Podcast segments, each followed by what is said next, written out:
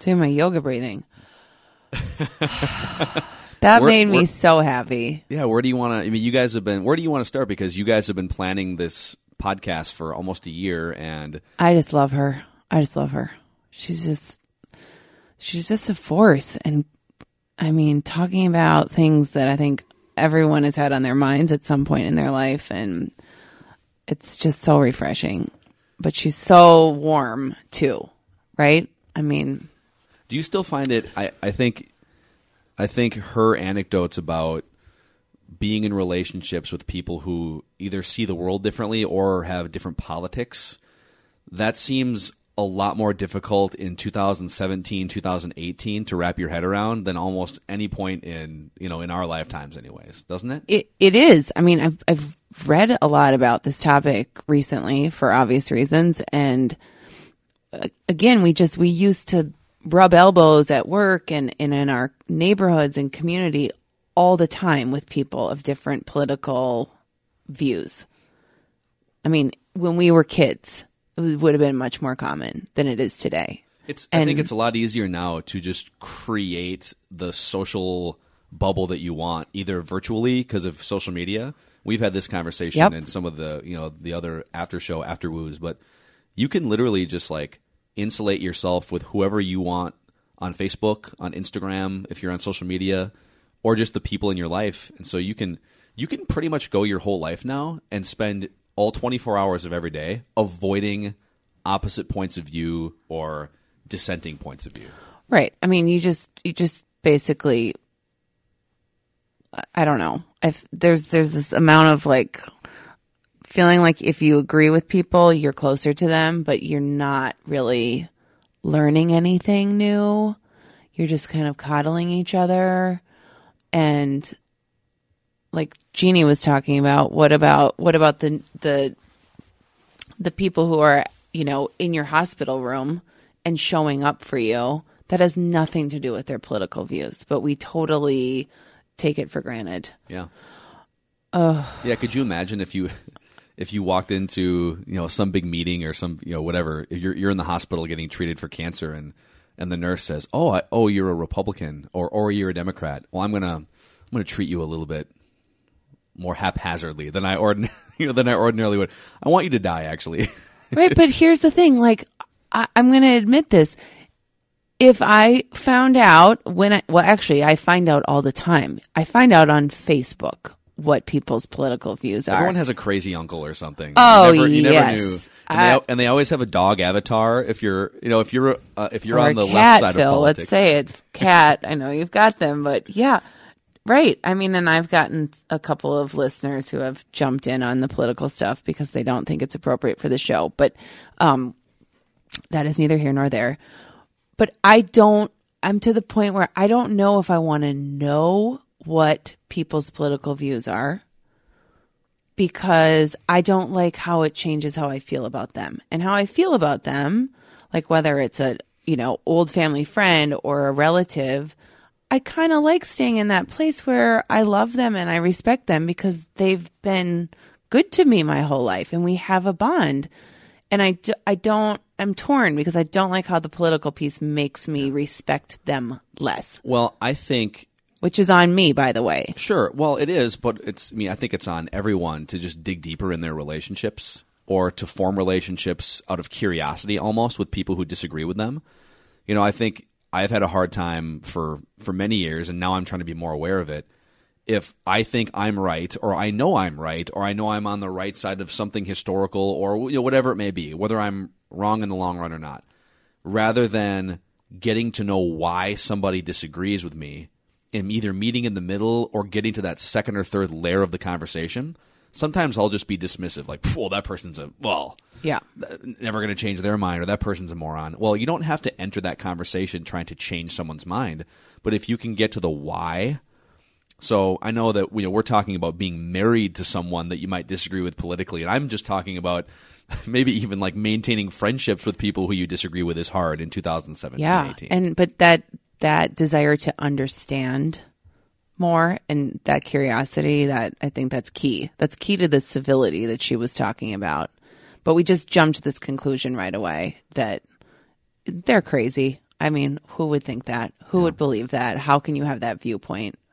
And I still, yeah, I mean, Facebook is not where I'm going to engage on conversations. it never goes, it's never going to go well. Uh, But can, can I admit something sort of embarrassing from a, a, a previous relationship a number of years ago? Something that, can you? Yes, please this do. is the space for that. This is Yes. a safe space for that. Very safe. So she said, she said something about uh, you know dealing with rejection and and sometimes it's not that you know if that some people just can't wrap their head around the fact that the person that they're with or the, the relationship is fading and and you're investing 90% of your emotions into it or you're in love with them and then they just aren't reciprocating and you just can't wrap your head around that. And so you just keep chasing and chasing and chasing. And sometimes it's not even about the relationship being solid and the sadness coming from that place. It's about almost this ego driven aspect of well no i i was the one who was going to dictate you know, whether this thing continued on. And i'll never forget this is like seven eight years ago someone broke up with me and it was a total it wasn't even like a long term thing like a few months but i didn't see it coming at all. And i don't think i ever thought for a minute that this was going to end in marriage but i remember saying in the conversation no like this isn't how it's supposed to be and something you know something about i was supposed to like break up with you and i think i said that out loud and thought oh my god i'm a horrible person for even thinking and then saying that out loud Yeah, but that but- is definitely an ego based thing that Yep. that people deal with Yeah, you're just keeping that girl around, and then she beat you i'll to decide it. when I'll this, my ego will decide. decide when this is over That's the case, though. With like, I mean, think about job rejection. I mean, you you might not even want the job, but how dare someone not make you the offer? I mean, you, you we all want to be in in control. I've gotten mad when a job that I'm in the past, when I'm not even really that interested in it, but I'll put a feeler out and then maybe I won't get a response. Like, I'm a, I'm kind of above that job, Yeah, and I was hoping- but that's all ego. Of course. Yeah, it wasn't meant for you. Okay, there was one question that I didn't ask her that I really wanted to talk about, and I think you'll have an opinion on this.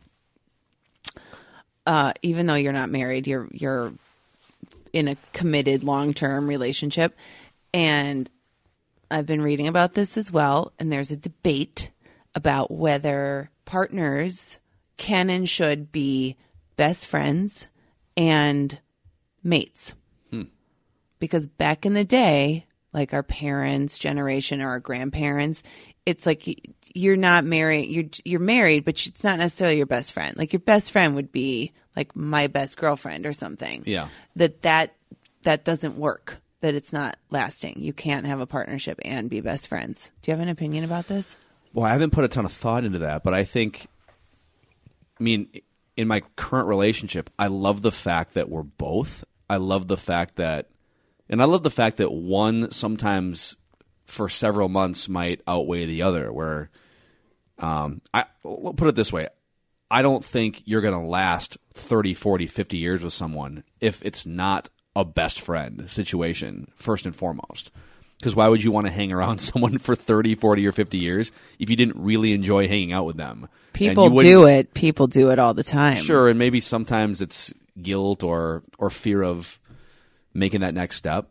Um, but I, I do think relationships have to be rooted in friendship for sure if it's going to be something long term over the course of decades. I do too. I do too. I think I think the like one of the conclusions that I've read is that companionship is super important, but taking the emphasis off of this person, which we talked about t- today, being everything to you is where it gets That's codependent, dangerous. You are correct. right? You don't want. I mean, that's Yeah. yeah. That is. I- think And impossible, by the way. Yes, I mean, I, I, I had a hard time. I don't know where this come. This I probably need more therapy to figure out where this came from. But I remember throughout late teens, early twenties, and and maybe even mid twenties, I had such a strong aversion to codependency that I would sometimes sense it when it wasn't there. And I, you brought up the term ghosting in the Were in the you podcast. a ghoster, Phil? And there were times where like I would I don't know if I would go as far as ghosting, but maybe where I would sense codependency when it wasn't necessarily there without like having good communication and you know Does, does this make out. you maybe? Uh, did it make you maybe a commitment phobe? Yeah, I, probably. Like you're looking for something so Yeah. that you don't have to commit or you don't have to get more invested or more vulnerable. Yeah, I, probably. Not uncommon. No, I think too. You know, there are. You have to think about what you want. You have to almost think about, okay, what's your horizon? And you know, back to some of the things that the Jeannie was saying. If you're if you don't really know what your horizon is, like at the end of the day, what are the things that you want in a relationship? Well, you probably can't rely on one person to check all of those boxes, but maybe you need a certain number of boxes to be checked. In fact, if you're relying on one person to check all the boxes or fill gaps or whatever you you know, that becomes codependent, and thus it's just it it's going to be too much of an emotional roller coaster. It's not going to be a healthy relationship. Um, but there is something to be said for leaning on other things or yourself to check some of those boxes and not rely on your partner. And so I thought that was an interesting thread that she went down to. I did too. Is there anything you wish that I had asked her? Um, I feel like you could have done two or three more hours with her, and maybe you should schedule her for a for a future season as a as a repeat guest. Yeah, or maybe I should just, you know, maybe she can be my therapist. Who knows? I mean, I just I think you should have asked her, you know, if she's experimented with maybe coating latex condoms with anything other than gold. like what happens when you coat it with silver, what it what about the bedazzling? copper, the bed- the, the, the bedazzling.